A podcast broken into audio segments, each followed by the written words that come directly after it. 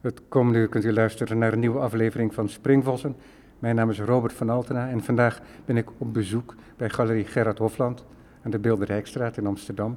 Tegenover mij zit beeldend kunstenaar, schilder Koen de Lare. Dankjewel Koen dat je naar Amsterdam bent gekomen om met mij in gesprek te gaan over je werk. Je hebt op dit ogenblik een tentoonstelling bij Gerard Hofland met de titel Don't Fight It, Feel It. Deze tentoonstelling is tot en met 30 april te zien.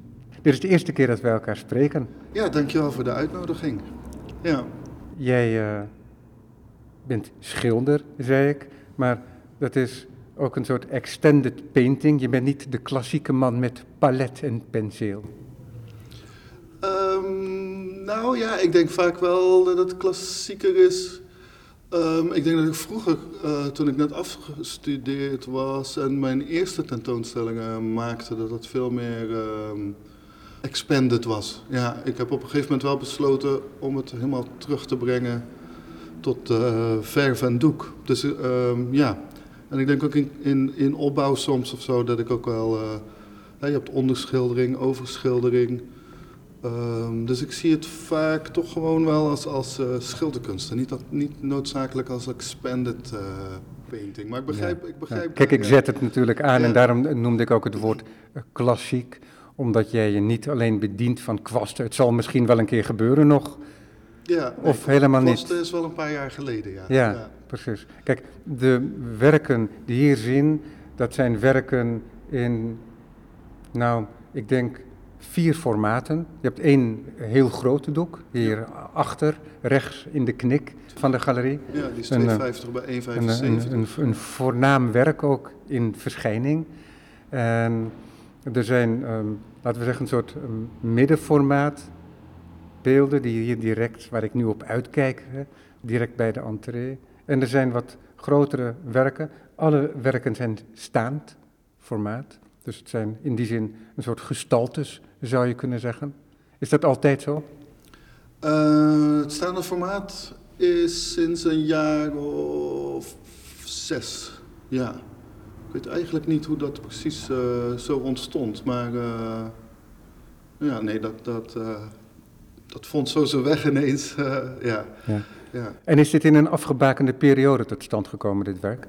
Um, het zijn allemaal goede vragen eigenlijk. Ja, over die expanded zat ik nog na te denken. Ja, daar gaan we het nog over hebben ja, natuurlijk. Dus uh, ik, want ik, ik, het is over, alleen, ik, ik probeer voor de luisteraar die nog niet bekend is met jouw werk, heel eventjes een soort platform te creëren waarvanuit we kunnen gaan spreken. Maar dan zijn, weten mensen wel uh, waar ze zich bevinden ja. enigszins.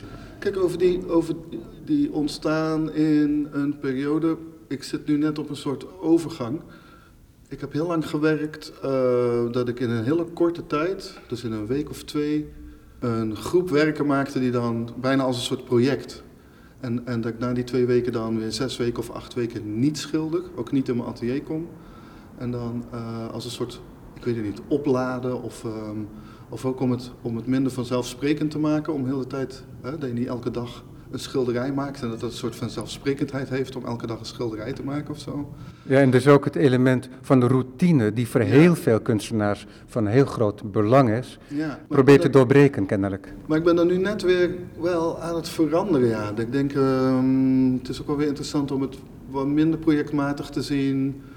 En, uh, dus nu heb ik een ritme dat ik uh, probeer om één werk per week te maken, wat voor mij wel iets nieuws is. En um, ja, over die routines, je probeert wel steeds, uh, of ik, je, hè, ik probeer vaak voor mezelf wel bepaalde routines uh, te doorbreken of bepaalde uitgangspunten opnieuw, uh, of, of een soort modus operandi opnieuw te hernemen of zo, om te kijken wat daar dan, omdat ik dan ook nieuwsgierig ben, wat verandert er dan? Of hoe... Of hoe verander ik? Hè? Ik bedoel, je, je, je verandert zelf natuurlijk ook uh, door de jaren heen. Is dat een vaste conjunctuur met vaste golfbewegingen van periodes van een paar maanden of een jaar? Of, of kun je daar niks over zeggen? Is dat veel grilliger? Ja, het is, het is grilliger dan dat. Ja. En het kan ook uh, veel langer zijn. Ja, die, die, die, dat projectmatige heb ik denk ik nu... Moet ik even denken hoor misschien zelfs een jaar of tien gedaan of zo. Dat is toch een hele poos. Uh, ja, lange periodes niet schilderen, korte periodes heel veel werken. En is dat iets waar je over nadenkt of is dat iets wat vanuit het werk zich aandient, dat je een stap terug doet een periode en dat je andere dingen gaat doen om, zoals je zei, jezelf op te laden? Ja, beide. Ik denk er wel veel over na. Um, uh, ik denk binnen wat ik doe, denk ik misschien het meeste na over die modus operandi, over die... Uh, die praktijk van dat doen en wat dat dan is en wat je daarvoor nodig hebt, of hoe je dat voor jezelf scherper kunt maken. Of wat gebeurt er als je, ja, ook nieuwsgierigheid. Nou, wat gebeurt er als je je eigen manier van werken weer helemaal uh, overboord gooit en iets en dat rigoureus anders probeert. Ja. En dat kan hem in het ritme zitten. Dat kan ook zitten in een soort voorwaarden scheppende dingen. Zo, wat heb je nodig om überhaupt uh, die stap te maken dat je gaat werken? dat, uh, God, dat, dat, dat kan variëren van een onderwerp waar je in geïnteresseerd bent. Of een locatie bijvoorbeeld waar je een tentoonstelling gaat doen. Of bepaalde ervaringen die je ondergaat of zo, waar je iets mee wil. Met ervaring bedoel ik dan bijvoorbeeld uh, natuurbeleving zou, zou, zou een een onderwerp kunnen zijn, hè? als een soort fysieke ervaring, waarbij je denkt van uh, hoe, hoe kan ik dit, uh, kan ik de voorwaarden zo scheppen dat ik met zo'n ervaring iets kan doen binnen het atelier. Ja, ja. ja. en daarbij benadrukkend dat jouw werk op geen enkele manier direct afbeeldend is. Hè? Dus dat is altijd in overdrachtelijke of laten we zeggen in poëtische zin. Ja, ja zeker. Ja. Ja, precies. Of je dat dan letterlijk kunt lezen, weet ik niet. Maar, uh, en, en, of dat zo belangrijk is om dat te lezen, weet ik ook niet. Je hebt voor jezelf wel uh, criteria of toetssteden nodig. Hè? Waar, waar, moet het werk aan voldoen? En dan was een tijd lang zo'n zo'n natuurervaring bijvoorbeeld. Dat is dan een heel helder criterium voor jezelf. Kun je, kun je daaraan afmeten? Of zit je daar ver onder, zeg maar, en ben je daar helemaal niet uh, ja. dichtbij gekomen? Ik, had, ik had afgelopen week was ik op bezoek bij Adam Colton, de beeldhouwer. Mhm. En hij liet me in een heel vroeg stadium een nieuw werk zien. Dus dat was nog niet één gedaante in beeld, maar dat waren verschillende vormen die mogelijk tot een nieuw beeld gaan leiden. En in het gesprek werd het voor hem opnieuw duidelijk, iets wat hij al lang al wist. Maar zo gaat dat met mensen die dingen maken, dat je voortdurend weer bekende dingen opnieuw herontdekt en toch weer net vanuit een nieuw perspectief. En in dit geval ging het om het principe dat je het idee waarmee je aanvangt voor een werk uiteindelijk ook uitgedrukt moet zijn in het eindproduct, in het werk. En dat was toch een leidend principe voor hem. En dat, is, dat heeft een veel algemenere strekking dan het werk van Adam Colton. Maar geldt dat dan ook bij jou, met zo'n natuurbeleving die dan als uitgangspunt kan gelden voor een werk? En dat jij voor jezelf althans dat uitgangspunt nog herkent in het uiteindelijke schilderij? Vind ik een lastige vraag of het zo werkt. Ik denk eigenlijk Um, ik heb gewoon een, hele sterke motivatie nodig voor, voordat ik begin. En um, op het moment dat ik een hele sterke ervaring heb, bijvoorbeeld een natuurervaring, of het kan ook uh, bijvoorbeeld een live concert zijn, of iets, iets wat je bijna helemaal fysiek, als fysieke ervaring, dus niet als idee, maar iets wat je helemaal voelt of waar je helemaal uh, in zit. En dat, je, uh, dat het jezelf verstandelijk ontsnapt of zo, waarom je het goed vindt, maar dat je het alleen maar ervaart. En um, ja, dat zijn een soort triggers die ik dan gebruik. Dan denk ik, ik wil een werk maken wat, wat, zo, wat zo goed is als die ervaring, of zo intensief is als die ervaring. Kijk, of ik diezelfde ervaring dan teruglees in dat werk, uh, dat vind ik zelfs minder belangrijk. Ik denk meer dat ik daar uitput en dat ik op dat moment voor mezelf die lat hoog leg, net zo hoog leg als die ervaring toen. Mhm. En dat ik daar dichtbij probeer te komen tijdens het werken. Um, ja, dat is weer iets anders dan het beoordelen achteraf. Hè? Maar je weet, je, weet, ik weet niet, je weet wanneer je vals speelt of zo. Of je weet wanneer je probeer dat zo, ehm, ja, zo geloofwaardig voor mezelf. Ja. eh, Nee, maar het kan ook zijn dat, die, komen, dat ja. wat ik zojuist stel als vraag, dat het misschien helemaal niet van toepassing is. En dat jij, Dus of ik dat dan terugzie, dat weet ik niet. Want, want vaak is het resultaat ook ehm, bijna als iets wat, dan daarna buit- buiten je ligt. Of ik vind, het, ik vind, denk ik, de interessantste werken voor mezelf ook werken waarbij ik bijna niet kan bedenken, oh ja, dat heb ik gemaakt. Dus ik ben ook wel op zoek naar, naar die, ja, of op zoek, ik weet het niet. Ik ben daar erg door gefascineerd dat het dan ook iets is wat weer helemaal buiten mij eh, ligt. Wat ik bijna niet kan beredeneren daar, op, die criteria. ja. ja, want wat ik tot Ja. nu wel interessant vind, Ja. kijk, is dat wat voor mij vrij duidelijk wordt nu, en ik weet niet of dat voor de luisteraar ook zo is, is dat als jij niet aan het schilderen bent in je studio, dan ben je gewoon nog aan het werk. Ja, Dan ben je gewoon nog de schilder die bezig is. Je bent niet zoals de dichter die wacht op inspiratie. Hè, De dichter die wacht op inspiratie is over het algemeen de dichter zonder oeuvre. En jij wacht niet, je bent bezig, je bent alert als je je in de wereld begeeft, in de natuur of in de stad, al naar gelang. Maar je bent wel aandachtig aan het kijken en dat is de blik van de kunstenaar. Ja, En niet van de argeloze vrije tijdsbeoefenaar. ja. Nee, er zitten verschillende dingen in, hè, die helemaal, ja, dat is helemaal waar. Kijk, die, die inspiratie, die, die in, eh, hoe wordt het vertaald? Is het goddelijke influistering? Of je ziet ook wel van die prenten, hè, van de, de, de Mhm. kus, de kus op het voorhoofd van de muze of zo. Ja, En daar kun je natuurlijk op gaan zitten wachten. Ehm, je kunt zelf ook heel proberen voorwaarden scheppend te zijn. Hè? Als, als dat toch iets is wat je dan overkomt, die inspiratie, hoe, hoe kun je dan alles zo inrichten dat je vaker overkomt? Ik denk dat dat, het inrichten van je leven op een gegeven moment, of die alertheid, dat dat iets is wat je, wat je eh, steeds, ehm, ja, oefenen is misschien het verkeerde woord ook, maar ja, je, je, ja er zit een je soort bent daar voortdurend mee bezig. combinatie Ja. van een gespannen ontspanning, Ja, ja, zou je kunnen zeggen met Ja. een paradox. ja. ja. Want jouw manier om de gewoonte te verdrijven uit je studio, dat is een manier om alert te blijven natuurlijk. Ja, ja, zeker. Ja. ja, zo heb je verschillende dingen steeds. Waarbij je zorgt dat die, eh, ehm, ja, die alertheid of een soort hyperbewustzijn op dat moment of zo. Omdat, ja, dat, dat, dat moet goed zitten. Ja. Ja. En, ehm, En dat kan op allerlei manieren. Hè? ja. In het verleden had een collega van je, Robert Zandvliet, bijvoorbeeld de gewoonte om een bepaalde tijd, dat konden een aantal weken zijn, een groot doek voor te bereiden en dat helemaal uit te zetten, hè, als een cartograaf bijna.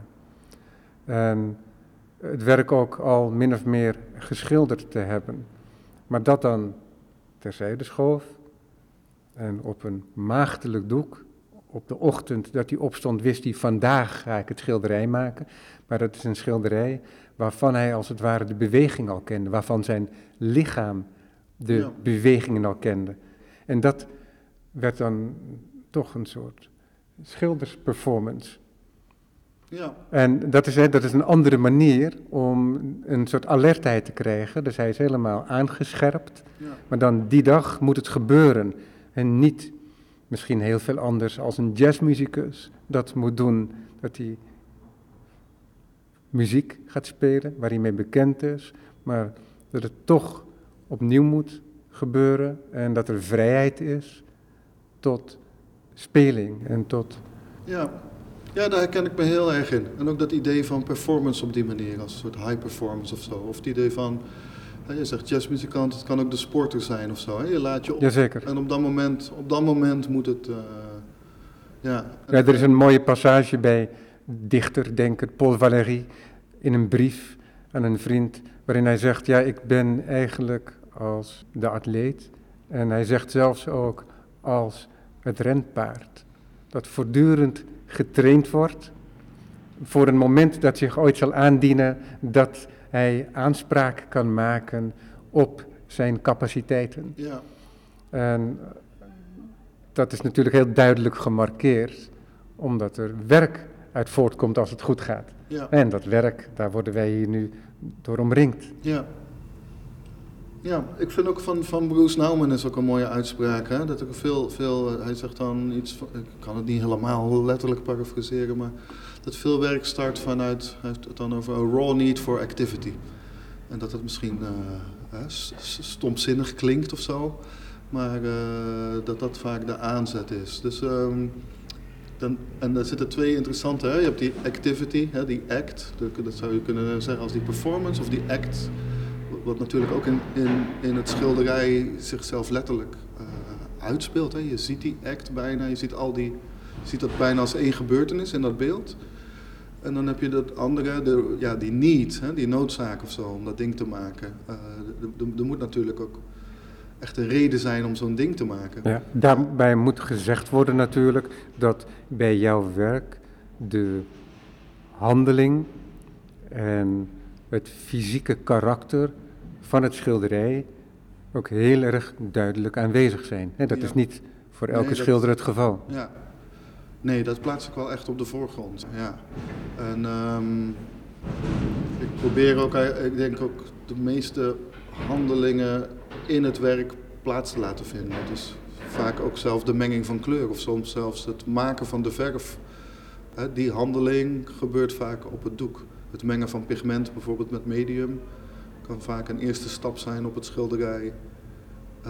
Dat, en dat, dat is dan al schilderen, zeg maar. Dus, dus ik kan niet alle dingen op het doek, maar eigenlijk de meeste handelingen of de meeste acties die te maken hebben met het schilderij, wil ik ook in het schilderij zelf uh, uh, stoppen. Ja.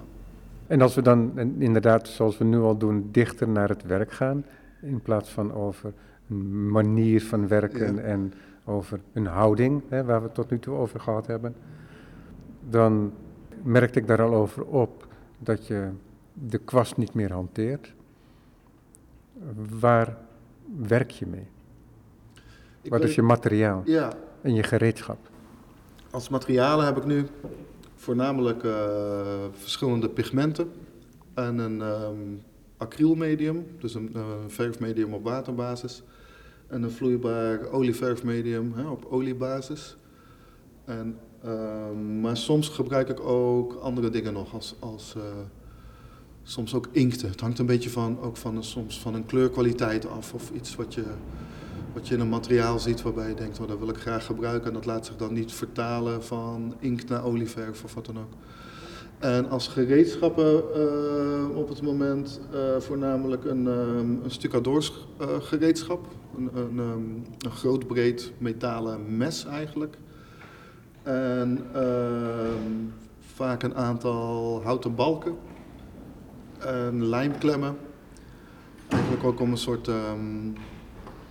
om een soort rails te maken of zo, waarbij dat handschrift, uh, waarbij je uh, eigenlijk strakker kunt werken of uh, bijna als een soort hulpmiddel. Ja, ja, want je ziet op de werken dat er een hele duidelijke richting in zit. Mm -hmm. In ieder geval in bepaalde lagen. Ja. En, want je ziet ook dat er, laten we zeggen, een soort stabielere plekken, bijvoorbeeld soms erachter zitten, soms ervoor.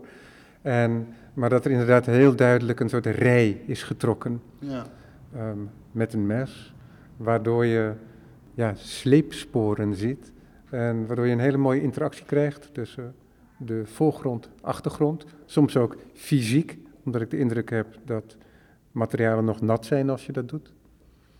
En wat er ook het geval is, is dat de meeste werken hier ook een soort relief hebben van materiaal dat je hebt weggeschoven, waardoor er iets van een, een relief, van een rand ontstaat, die ook een soort kader, uh, of een, misschien zelfs bijna een voet gaat vormen voor een, uh, een beeld. Ja.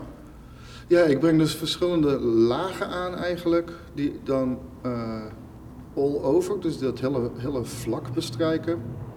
En dan schraap ik eigenlijk die lagen weer tevoorschijn in goh, één of meerdere richtingen.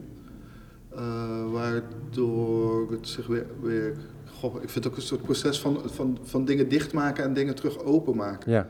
Ja, dus dingen toevoegen en dingen weer weghalen. En, um... Maar dat is ook precies wat je net zei, dat dat doek ook tegelijkertijd een beetje als palet fungeert al. Ja, ja. En ook, um, Ja, omdat die lagen ook met verven zijn die elkaar soms tegenwerken. Die olieverf en die eh, acrylverf. Het is ook allemaal nat en nat in één keer. Ehm, dus het beïnvloedt elkaar ook. Dus dat openmaken heeft soms ook een heel onvoorspelbaar karakter. Van, van eh, eh, ja, wat nu als ik alles weer weghaal, wat hou ik dan over? Ja, ja, het is echt een fysiek evenement wat je wel kan sturen doordat je weet wat je eronderop aanbrengt natuurlijk. Ja, Maar hoe- de manier hoe dat vorm krijgt, daar zit heel veel verrassing in. Ja, en soms ook wel hoe, hoe dingen op elkaar reageren. En ook omdat ik die verven zelf maak, soms is de verrassing ook wel hoe, hoe, dingen, hoe, hoe, de- hoe het materiaal opdroogt. Of hoe het. ehm, kijk, die pigmenten die, eh, die hebben ook eh, op een gegeven moment een gewicht of zo. Die, die blijven dan op een plek liggen terwijl die olie eruit eh, loopt. Eh, in dezelfde partij olieverf heb je soms dat het helemaal mat opdroogt of, eh, en glanzend. In dezelfde dus er zitten wel een heel, aantal onvoorspelbaarheden ook in. Aan de andere kant eh, kan ik wel met die kleur, dat beheers ik wel heel goed. Maar de materiële uitstraling, daar, daar kan ik nog wel, eh, dat, dat kan ik behoorlijk loslaten. Ja, er zijn nogal wat varianten ook die op kunnen Ja. spelen door het materiaal dat je gebruikt. En En- kennelijk Ja, en is dat iets waar je En ook door de volgorde. ehm, dus, dus je zou bijna vijf keer hetzelfde schilderij kunnen maken met dezelfde handeling en dezelfde kleur. Maar door de volgordes van aanbrengen of, of volgordes te veranderen, zijn het compleet andere schilderijen. maar zou kunnen of doe je dat ook? Eh, ik, ja, zou kunnen. Ik heb ook nu net vier gemaakt waarbij ik dat gedaan heb. Ja, Ja. Die, maar die zijn hier niet te zien. Maar ehm, ja, dus dan heb je vier keer exact hetzelfde gedaan in een andere volgorde. En dan is het een volstrekt ander eh, eh, ja, resultaat. Ze horen wel bij elkaar, maar de uitstraling of wat, wat het schilderij dan zelf is, eh, is dan heel verschillend. Ja, want het gebeurt, zou je kunnen zeggen, ook in een aantal werken hier, die hier al te zien zijn. Maar dan in één werk zelf, omdat je ehm, zo'n staand schilderij, als het ware, in tweeën deelt. En waarvan één duidelijk de richting van boven naar beneden, ik weet niet of je dat plat op de grond legt, maar hoe het uiteindelijk aan de muur hangt, van boven naar beneden, waardoor je zo'n materiële ophoping krijgt van wat voor materiaal is dat. Het ziet eruit als een soort stuk, Ja, is stukwerk. acryl- Acrylverf. Echt waar, Ja. dat is ook acrylverf. ja, ik gebruik alleen maar verf. Ja. Ongelooflijk zeg. Het Ja. ziet er echt uit als een stucadoorspartij. ja. ja, en want dat is een beetje crème, wit. En natuurlijk ook geschaduwd, omdat het een relief heeft. En de- hetzelfde doe je weer in tegengestelde richting, waardoor je weer zo'n stucadoorsrand, noem ik het maar, maar het is dus acrylverf, Ja. weten we nu, aan de bovenkant zit. En dat doe je ook, ehm, dat doe je ook horizontaal. Hè. Ik benoem nu een verticaal beeld, maar dat doe je ook horizontaal. En in die zin zie je ook dat daar wel dezelfde kleuren een rol spelen, alleen komen die heel anders tot uiting. En daar zit al een element in van wat je zojuist beschreef van een serie werken die je Ja. nu in je studio hebt. Wat ik nog zou kunnen toelichten is ook die horizontale en die verticale, eh, die lijnen die erin komen. Dat heeft eigenlijk ook puur met het werk zelf te maken. Dat was geen van tevoren eh, compositorische beslissing. De doeken liggen plat op de grond, als ik ze maak. En om domweg in het midden, op die grote formaten in het midden te kunnen komen, legde ik er op een gegeven moment een balk op, zodat ik ook in het midden van het doek kon staan. Ja, dus het was ook noodzakelijk om die. Dus dat zijn ook dingen die in het proces of in het werken zelf dan ontstaan eh, als methodiek en uiteindelijk dan een soort eh, compositorische element worden, die dan zo'n serie werk eh, ook bepalen. Ja, mooi. mooi. Ja, want wat er op één doek wat ik nu in mijn blikveld heb zie gebeuren, daar lijkt iets van een soort magenta golf op te spatten. Mhm. Eh, maar die vloeiende beweging, die wordt onderbroken, heel straf inderdaad, door zo'n middenlijn. En op dat werk zie je dat het duidelijkste, denk ik, dat er inderdaad ook een vrij scherpe rechthoekige markering is. En dat is dan de genoemde balk. Ja. Maar, ja, mooi. ja, en je ziet het ook een heel klein beetje bij de uiteinden van die balk. dat daar zelfs het, uh, de grondering van het doek, hè, want die balk plakt op een gegeven moment, die moet ik er ook weer met best veel kracht afhalen, zeg maar. Dat hij uh, de grondering ook meeneemt en je bijna weer op het linnen kijkt. Ja. ja. Dus, al die, al die, die, dus die hele manier van handelen heeft steeds, uh, ja, dat, dat, dat zijn dan de consequenties voor het beeld. Ja, ja want de, de twee doeken die hier rechts van de entree hangen, die zijn heel duidelijk in relatie tot elkaar gemaakt, omdat hetzelfde palet daar uh, speelt. Ja. Zie je dat dan als een tweeluik? Nou ja, in die zin dat ze in, in dezelfde sessie gemaakt zijn. Ja. Maar ze zijn ook kleiner, hè? dus uh, ja. bij de kleinere formaten kan ik, uh, werk ik vaak met, met twee of drie in dezelfde sessie. Ja. ja, kijk, ze zijn zo opgehangen dat je ze identificeert als zelfstandige beelden. Ze hangen er niet als een tweeluik, omdat de middenruimte bijna net zo groot is als één doek, waardoor de verbinding wordt doorbroken, zeg maar. Het heeft ook een soort reden. Kijk, zo'n groot doek heeft ook iets um, veel onbeheersbaarder. Daar, moet je ook, uh, hè, loop je omheen. Wat ik al zei, ik heb al iets nodig om, om in het midden te kunnen komen. Dat heeft ook een soort heel andere fysieke uitdaging. Bij de kleinere werken maak ik er meestal meerdere tegelijkertijd. Om eigenlijk ook die, die uh, dat, dat fysieke sterker aan te zetten. Omdat, omdat zo'n klein beeld, uh, dat beheers je sneller. Hè? Dat, dat, dat, dat, overzie je ook letterlijk gewoon. Hè? Om de, om de, ja? Je kijkt erop, je ziet het hele ding.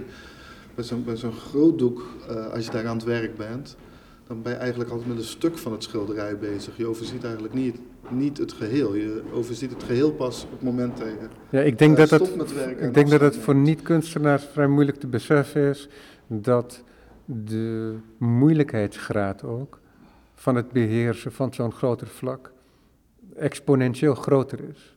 Ja. wat ik ook collega's van jou vaak hoor zeggen als ze een werk zien op een telefoonschermpje. Van, oh ja, maar als ze dan horen dat het heel groot formaat is, dan neemt de bewondering toe. Ja, ja, ja. ja. En niet alleen maar omdat het imposant is, maar omdat het een grotere moeilijkheidsgraad heeft. Ja. En dat je kennelijk toch niet alleen um, harder moet werken om dat tot stand te brengen, maar omdat het moeilijker is om er overzicht over te krijgen. Ja, tegelijkertijd is het ook, vind ik, ook weer makkelijker, omdat als je dan toch in dat fysieke dingen uit wil spelen, uh, ja, openbaart zich. ja, je zit daar veel sneller in bij de grote maat, omdat het gelijk al veel fysieker is. Al is het alleen maar de hoeveelheid verf of de handelingen die je moet doen, eh, de krachten eh, die je moet zetten. Ehm, maar ligt dat, aan het, feit... Het makkelijker vind om een groot werk te maken dan een klein werk. Ja, ja, maar dat ben ik dan geneigd om toe te dichten ook aan het feit dat jij met vrij, vrij grove instrumenten werkt ook. Ja. Uh, ja. Je, je doet het met een heel groot mes relatief aan zo'n klein doek dan bijvoorbeeld. Dus die verhouding, die is een hele andere. En dat enorme mes, dat is een deel zeg maar, van het vlak wat je kan bereiken in een heel groot doek. Ja, het is letterlijk zo, kijk, bij een heel klein doek heb je het over een polsbeweging of een armbeweging. Ja. Bij zo'n groot doek moet je met je hele lichaam daarover hè, zittend of daaroverheen gebogen. Of, uh, en, um, ja, en waar we het in het begin over hadden, over die concentratie verhogen. Ja, doordat, doordat het zo'n fysieke activiteit is, zit je op een heel andere manier in die concentratie. Je overziet het niet helemaal. Het is, uh, uh, het is echt een fysieke arbeid. Uh, het, is, het, is ook best, het is ook best zwaar werk. Is het ook absorberender? Omdat ik kan me voorstellen dat je een kleiner doek, wat nog een flink formaat is nog altijd, dat dat je dat kunt vangen met je blik. Ja, dat en, is, en waardoor het ook verstandelijker wordt, het werk. Ja, ja, je bent veel meer uh, bewust ook van de beslissing van het schilderij. Je overziet het helemaal. Hè? Je hebt eigenlijk die afstand al. Uh, die, die, die, die, die afstand is. Uh, ja, je overziet het letterlijk, hè? Omdat, omdat, door, door het schaalverschil. ja. Bij zo'n groot werk ben je altijd in het werk. En bij zo'n klein werk ben je er eigenlijk bijna uit. Ja, en je hebt een voorkeur voor om erin te zitten. Ja, ja, ja zeker. Ja. Ook wel omdat misschien zelfs dat verstandelijke wat meer uit te schakelen. Ja. om, om, het, om het niet te veel ehm, steeds als schilderij of als compositie of als. Hè, bij zo'n kleine kun je snel denken, oh, zo, zo is het wel af. Terwijl bij die grote is dat veel diffuser. Wanneer is dat dan? Ja, dat stelt het zich uit of zo, wanneer iets af is. Hoe lang werk je aan een doek? Uh, dat is ook een tricky. Ja, dat is heel verschillend. Soms een half uur en soms acht uur lang. Maar het is altijd in één sessie. Dus ik kom er bijna niet op terug op een schilderij. Dus de volgende dag, als ik dan kijk, dan is het of geslaagd of niet. En als het niet geslaagd is, uh, dan uh, gaat meestal het mes erin. Is het ook door je manier van werken moeilijk om nog een retouche te doen? Om het te gaan bewerken, want dat ga je dat altijd terugzien. Ja, ik denk dat het niet kan. En ook omdat, het een, omdat dat dan weer een heel andere manier van beslissen is ook. Omdat dan, omdat dan waar hou je op met retouche? Dan kun je, dan... dan nee, maar kijk, de, de luisteraar die dit gesprek uh, aan het begin heeft meegemaakt, zou dan kunnen zeggen... Ja, maar dat is die andere manier van werken waar je naar zoekt. Nee, zeker, zeker. En kennelijk ook al bestaat die zoektocht naar die andere manier van werken, van het doorbreken van gewoontes, kennelijk zijn er heel veel gewoontes. Ja? Helemaal mee eens, ja, klopt. Waar je trouw aan bent ook. Ja.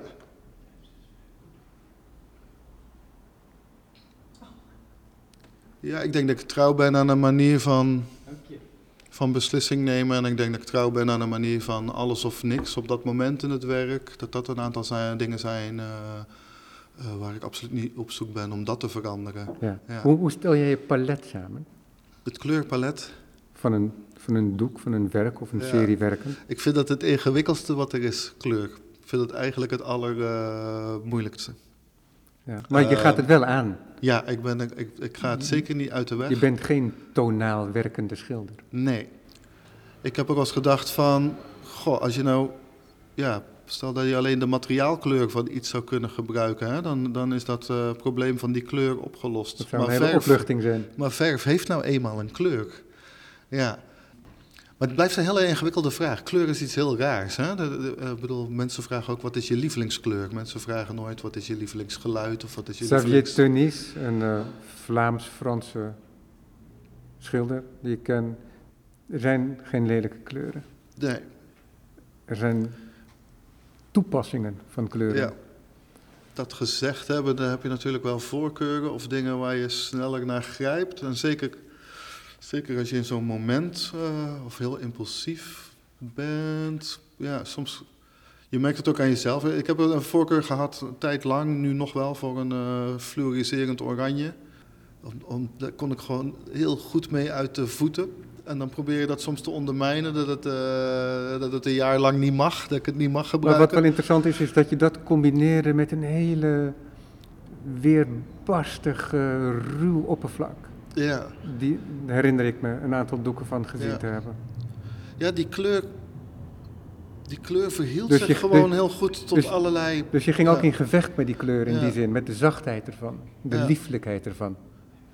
Ja, en hij laat zich zo goed uh, contrasteren met bijvoorbeeld... Um, kijk, die, die, die fluorkleuren zijn vaak acryl. Dat is eigenlijk ook een heel kunstmatige... Uh, dat is dan een verf die ik niet maak, die ik gewoon zo uit de pot gebruik. Eigenlijk een super kunstmatige verf. En als je dan zo'n olieverf maakt, een zwart bijvoorbeeld, uh, met een houtskoolpigment... of waar umber in zit, of een wit met, waar kalk in zit... Dat zijn zulke verschillen, dat contrast, je hebt letterlijk gewoon een juxtapositie tussen die twee, het zijn niet alleen twee verschillende kleuren, het zijn ook nog eens twee compleet verschillende materialen. Het een waar je nog ook als aards kunt ervaren, of wat misschien een, uh, een verdieping heeft. Hè? Die, die olieverf of die pigmenten kunnen heel, heel diep zijn, alsof je daar eigenlijk in kijkt. En zo'n fluoracryl, daar kijk je altijd tegenaan. Hè? Dus, dus je hebt letterlijk in die materialen heb je al zo'n contrast ja, dat laat zich dan heel goed gebruiken in een schilderij, uh, omdat, het, uh, omdat je ook met die verschillende materialen werkt. Hè? Dus of een verf op waterbasis is of oliebasis, maar als ook die kleur die materialen nog eens heel erg ehm, versterkt, dat het echt verschillende entiteiten zijn bijna. Ja. En op een of andere manier, gewoon met fluorgeel werkt dat dan ook. Maar fluorrood of fluorblauw uh, is gewoon een blauw of zo. Dat, dat, dat, het is ook iets heel specifieks met dat oranje. Uh, wat, wat mij dan fascineerde of wat dan bruikbaar was ook. Uh, ja. Maar is, maar, dat, is dat dan wat ik zojuist aangaf, wat ik meende te bespeuren in het werk, is dat je met het oppervlakte, hè, want dat was bijna een soort wondoppervlakte maakte je ervan, hè, een schaafwonde. Mm. Um, en dat zorgde voor een uh, vrij schril beeld in combinatie met ja, die feestkleuren die het ook zouden kunnen zijn. Ja, ja. Of is dat niet iets wat zich heel bewust afspeelt ik denk, in je overwegingen? Ik denk dat ineens is het voor jezelf zo'n soort absolute kleur of zo, dat, uh, dat oranje. Dan kan er ook bijna geen, er is ook geen variant van of zo. Ja. Ja, dus het is zoiets absoluuts. Maar dat geldt dan voor dat oranje. Ja, ik ben ook wel erg gefascineerd door, door, door hele donkere blauwe. Die je echt als een zwart kunt gebruiken. En die soms bijna zwarter zijn dan zwart, maar uh, wat hier, wel echt wat hier, achter, zijn. Wat hier ja. ook achter je gebeurt. Ja. Waardoor Sommige, het bijna lijkt alsof je pyrotechnieken hebt gebruikt. Ja. Maar het is toch echt verf, heb ik van dichtbij Ja, ja, betekend. ja, ja. ja, je hebt een Berlijnsblauw en je hebt ook een, gewoon indigo. Dat is zo diep zwart als je dat gebruikt, als je dat aanbrengt. Um, Ja, dus je hebt wel duidelijke fascinaties in periodes voor bepaalde kleuren en tonen. Ja, zeker. En dan kan hem zitten in de rijkdom van zijn kleur, maar soms ook wel in de, in de, in de armoede. Of in de verzadiging. Of in de... Maar ook als je het. Ik, ik, ik heb ook een verf nodig die echt vloeibaar is. Hè? Ik wil het er echt op kunnen gieten. Dus je bent ook op zoek naar een eh, materiaal wat dat dan eh, eh, kan. En dus je bent ook op zoek naar een, naar een materiaal wat, hoe sterk je het ook verdunt, nog steeds een kleur is. En, en dat het geen hè, vuil water wordt of zo. Dat het nog steeds een soort impact heeft als kleur. Ja. Ehm, Maar goed, dan dus dan kom je op... soms uit op, op bepaalde kleuren die zich daar wel voor lenen. Ja, En andere kleuren lenen zich daar dan veel meer en als ik dan terugkom op de vraag, hoe stel je je palet samen? Dat kies je wel van tevoren. Ja, dus er zit, er zit aan de ene kant dus een soort pragmatisme in, hè, dat die kleur zich moet kunnen laten verdunnen of kunnen eh, gieten, of eh, dat, dat die materiaaleigenschap waar ik mee wil werken, dat, dat ik daarmee uit de voeten kan.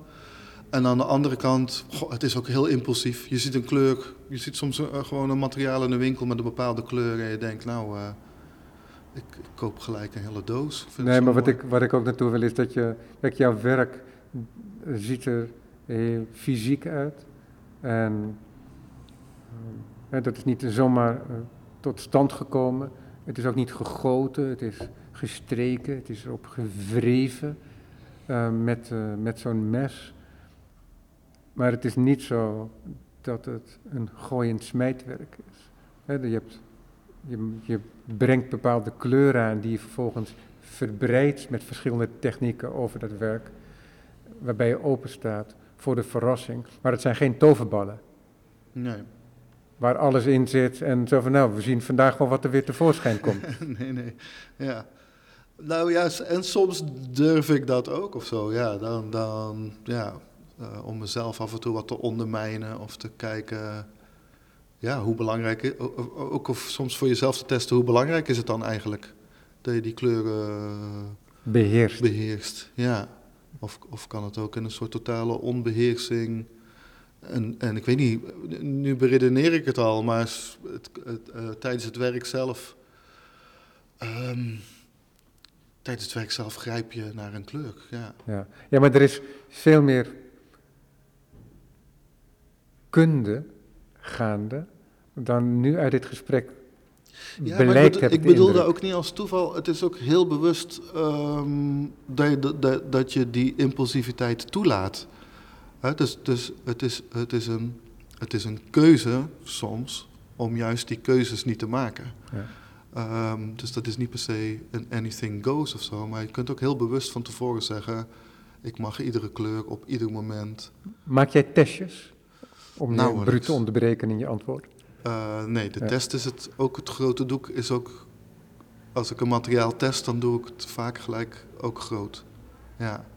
Wat, wat mezelf soms ook, eh, in, dat is soms ook jezelf in de voeten schieten, zeg maar. Want als, een, als, een, als, een, eh, als die verf dan krakeleert of breekt of er afvalt, dan, dan, dan het, ja, als je wat nieuws, als je opzicht wat, kunnen dingen ook mislukken. als hè? je wat ja. nieuws probeert. Ja, maar... ehm, Want door de jaren heen heb ja. je al zoveel geprobeerd dat er ook heel veel Ja. ervaring en kennis aanwezig is. Maar ik maak geen schetsen, ik maak eigenlijk geen testen.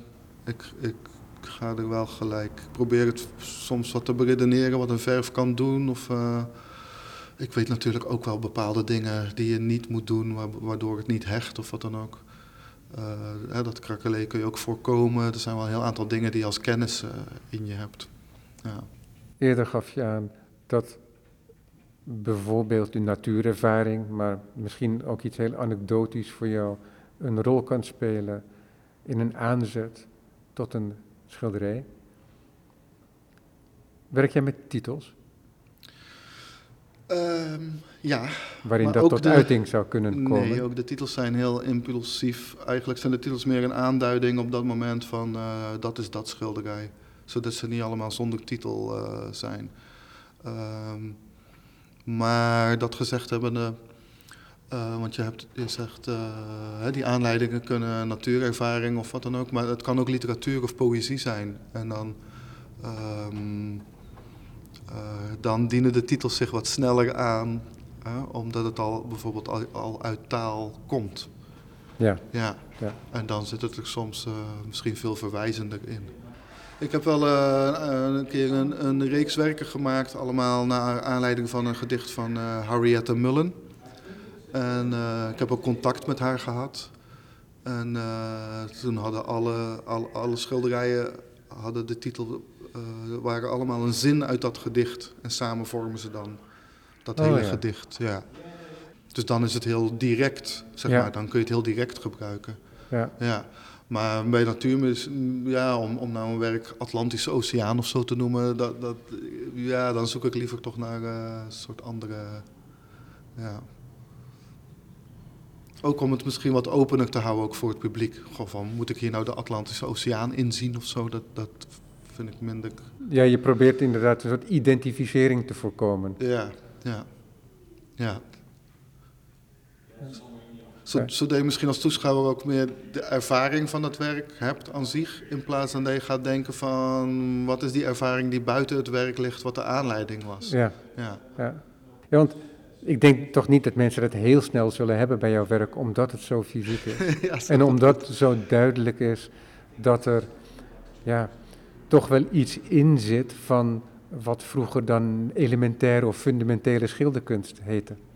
Ja. En dat het materiaal heel duidelijk spreekt. Ja, ja, in die zin is het geen. Het, is niet, het heeft meer daarmee te maken als aanduiding natuurlijk dan, dan je zegt abstracte schilderkunst. Ja. Hè? Want je kunt, wat is er dan geabstraheerd? Het is, in die zin heeft het denk ik meer linken met fundamentele schilderkunst. Nee, precies. Ja. Ja, ja abstractie is natuurlijk sowieso een, een, een, een begrip dat je op allerlei manieren zou kunnen gebruiken. Dus, dus het zal ook op jouw werk van toepassing kunnen zijn vanuit een bepaald perspectief. Maar ik zou het zelf niet zo snel gebruiken. Ja, En ja, het is toch een vieren van de schilderkunst en ook van de materialen waarmee dat tot stand komt. Dat- ja dankjewel. Dat, ja. dat is toch wat je erover kunt zeggen ja. ehm, voor jou als maker. Want ik neem aan dat je er met plezier aan werkt. En voor mij natuurlijk als kijker, Ja. dat ik eh, getrakteerd word eh, op die mooie beelden. Ja. Zijn dit vaste formaten voor jou? Ehm, ja, voor, voor een, een, een, op een gegeven moment is er ook een, een, een hoogte-breedte verhouding die je als prettige factor eh, ervaart. En dan zet je dat een beetje door in die, in die maten. Ehm, sommige dingen zijn ook, ja, de, de grootste maat die ik nu heb, ik kan nu niet groter omdat ik dan ze niet uit mijn atelier krijg. Ja. Dingen Nee, zijn maar- soms ook praktisch. Ja. Maar het heeft ook met, met de verhouding van je lichaam te maken. en Hoe je. Hoe- Nee, maar hoe je omdat jij, kunt eerder, omdat beheersen. eerder aangaf dat met die grote werken, dat het eigenlijk wat ge- gemakkelijker, wat vanzelfsprekender is. Ehm, ja, die liggen dan ook ergens, denk ik. Maar ook ergens, denk ik, bij je lichamelijkheid of je fysiek. Het is, het is ook. Kijk, in zo'n beweging maken, hè, om dat in één keer eh, allemaal af te schrapen. Eh, als het veel groter is, lukt je dat niet in één keer. Hè? Eh, Ja. Je moet al stappen zetten, dus Ja. dan zijn het al verschillende bewegingen. Ja, je maakte zojuist een Ja. gebaar vanuit, vanuit de schouder, Ja. inderdaad. Dus dingen hebben ook eh, hun relatie eh, met, me- met mijn lichaam of met wat, wat, wat ik kan doen. Dus daar heeft het eh, ook mee te maken. En, maar er zijn ook andere dingen die een rol spelen. Ik denk een vierkant schilderij, dat dat niet zou werken bijvoorbeeld. Of voor mij niet in ieder geval. Dat Ik denk In ieder, dat dat heel geval, in, ieder moeilijk geval, zou zijn. in ieder geval nu niet. Nee, precies, ja. Ja. Ehm, Je hebt nu deze serie werken gemaakt, maar je hebt in je studio een andere serie werken. Dus er zit een poosje tussen. Of ben je doorgegaan? Ik ben nu direct doorgegaan. Ja, ik heb zelf de dag eh, na de opening eh, eh, heb ik direct een groot werk gemaakt. En dat beviel me eigenlijk prima. Ja. En Maar kennelijk was er nog voldoende spanning die tot ontlading moest komen. ja, dat ook. En ook, goh, ik vind ook, ik vind ook zo'n tentoonstelling, hè, je laat je zo op om dat te doen en dan heb je die opening. En dan daarna, ehm, ik, ik kan daar echt eh, daarna wel helemaal van, ehm, even helemaal in de put zitten of zo. Dat al die energie zo eh, weg is, ja. Ik, Ja. ik ken wel meer schilders die dat, of kunstenaars die ik- dat hebben. Zo, ik hoor- zo'n ik hoor het post, vaak. hè, Post-opening depression Ja, of hoe we het maar noemen. Ja, en nu ben ik eigenlijk direct weer aan het werk gegaan. En dat was wel, het is ook wel goed om, om dat te tackelen of zo. En, en wat meer op, dat, op, op die goede energie eh, te blijven. Ja. Ja. Dat is interessant toch? ja. Ja, dat je... Dat Dat is raar, je hebt gewoon van die issues of zo. En Ja, dan weet je dat- dat dat zo is. En dan, ja, je probeert daar ook weer eh, mee te dealen. En eigenlijk, ja, stom dat je daar pas op je 52ste achterkomt. Hè? Dat het eigenlijk ook heel goed is om gewoon de volgende dag gewoon naar het atelier eh, te gaan. ja, Ja. ja, ja, maar laten we zeggen, die excursie, die excursieve periode buiten je studio, die zou nu ook minder waardevol zijn. Hè, als je het vanuit een dal doet. Ja. Maar als je doet zo van, nou, ik trek de deur nu achter mijn studio dicht, want ik heb het werk afgerond. Dan ga je op een hele andere manier Ja. de wereld in, dan dat als je dat doet na een post-opening Ja. eh, dip. Ja, je moet soms ook een beetje die golf rijden als die zich aandient. Ik bedoel, ehm, kijk, soms gaat het gewoon heel goed in het werk. En dan, eh, ja, ik wil niet zeggen, dan maakt het zich vanzelf. Maar dan, dan, dan is het resultaat van de output gewoon veel beter. En soms heb je periodes, hè, je, je doet je best, maar eh, het komt er niet uit of zo. Dus, Spreek jij veel over je werk met collega's? Ehm, ik heb een paar goede vrienden, ja, waar ik eh, regelmatig eh, mee praat. Ja. Maar niet in het algemeen veel, nee. En Dit- dat zijn ook kunstenaars. Ja, maar geen, ehm, geen schilders. Eh, een performance kunstenaar en iemand die veel meer met openbare ruimte bezig is. Ja, Is dat juist prettig dat het andere Ja. disciplines zijn? ja heel erg. Ja. Ehm, ja, ook leerzaam wat hun ritme of hoe, hoe, hoe bij hun dingen gaan. Of wat, hè, wat, wat is bij hun inspiratie of hoe gaan zij daarmee om? Of, ehm, ja, of hoe gaan zij ermee om als je, als je in een diep dal zit? Hè? Of, of, of hoe gaan zij om met een high? Ik bedoel, dat, dat dient zich allemaal wel aan, ja. Maar ehm, ja, Kijk, ik woon in Tilburg, hè. Zo, er wonen ook geen honderd schilders verder eh, die ik, of in ieder geval die ik ken. Hè. Nou, je kunt, je kunt jezelf nog laten verrassen. Ja, Want nee, ik, dat verba- is- ik verbaas me er altijd weer over Ja. waar er kunstenaars zijn en Ja. hoeveel kunstenaars er zijn. Maar het is fijn ook om mensen die je al veel langer kent. Ja. Dus die performance kunstenaar, goh, die, die ken ik ook al eh, sinds 96 of zo. Je groeit ook met elkaar mee. Hè. Je zit ook met, je hebt de leeftijd, dezelfde leeftijd ongeveer. Je groeit ook mee met elkaars oeuvre of zo. Dat is ook interessant. Hè? Iemand die het werk al eh, ook net zo lang kent als dat jij het kent. Ja. Ja. Is je houding veranderd in de loop der jaren? Want je kunt nu toch wel zeggen dat je weet wie je bent als kunstenaar, ook al moet je dat elke keer weer opnieuw uitvinden in je studio. Ja, Ja, ik denk dat je voortdurend verandert, dus je houding ook. Ehm, ja, het is ook iets waar ik, waar ik zo naar dat werk, wat ik me soms wel afvraag, ja, aan de hand van het werk, ja. Kun je dat dan zien of iets door een 30-jarige of door een 40-jarige of door een 50-jarige is gemaakt? Of wat, en wat is, dan, wat is dan die specifieke kwaliteit of zo van die, uh, van die fase? je, hebt, je, hebt, nu meer ervaring of misschien ook meer zelfvertrouwen. Jong zijn wordt vaak gekenmerkt hè, met een soort bra bravoure of onbezonnenheid of zo. En waar ik, uh, hoe verhouden zich die dingen zich uh, ja, naarmate maar, maar, ouder wordt? Ja, Wat, wat ik vaak als woord gebruik, is dat het bij jonge kunstenaars nog vaak een beetje wiebelt. Dus dat je ziet dat de kwaliteit aanwezig is, dat het soms ook gewoon volledig tot uiting komt. Maar dat het moeilijker is om daar consistentie in te krijgen. Ja. Ja.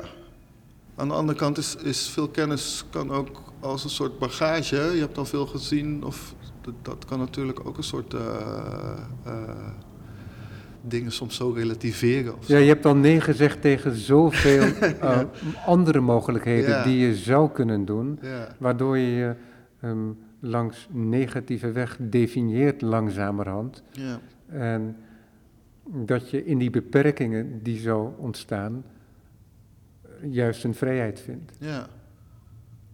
Ja, want, het is, nee, want het is een duidelijke keuze die je maakt door mm, laten we zeggen, zo'n concrete schilder te zijn.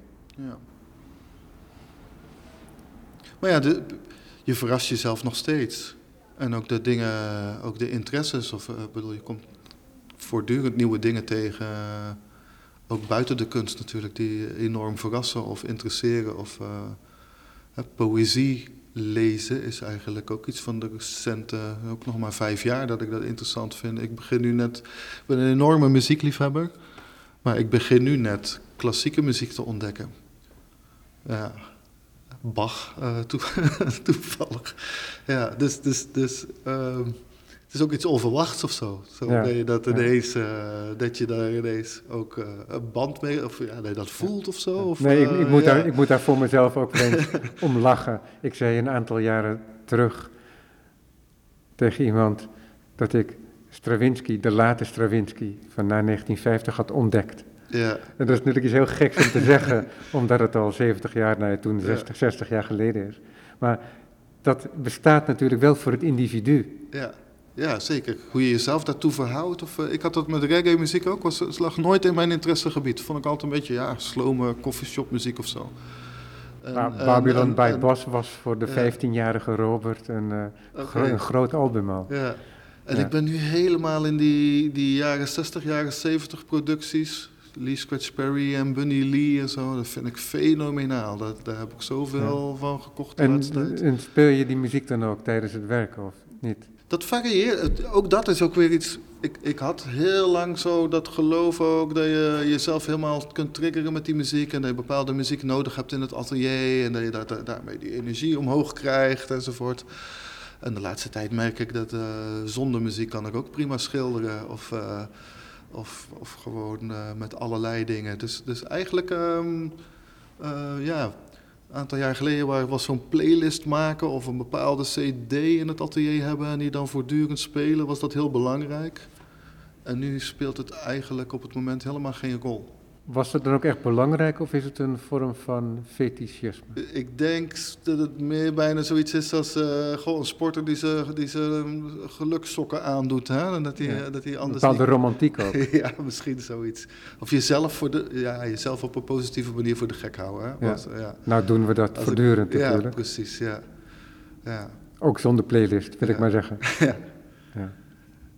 Koendelare, ik dank je hartelijk voor dit gesprek.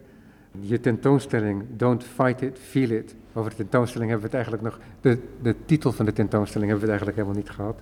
Maar dat kan misschien afgeleid worden uit het gesprek en wat er uh, gezegd is. Is te zien tot en met 30 april bij Gerard Hofland in Amsterdam.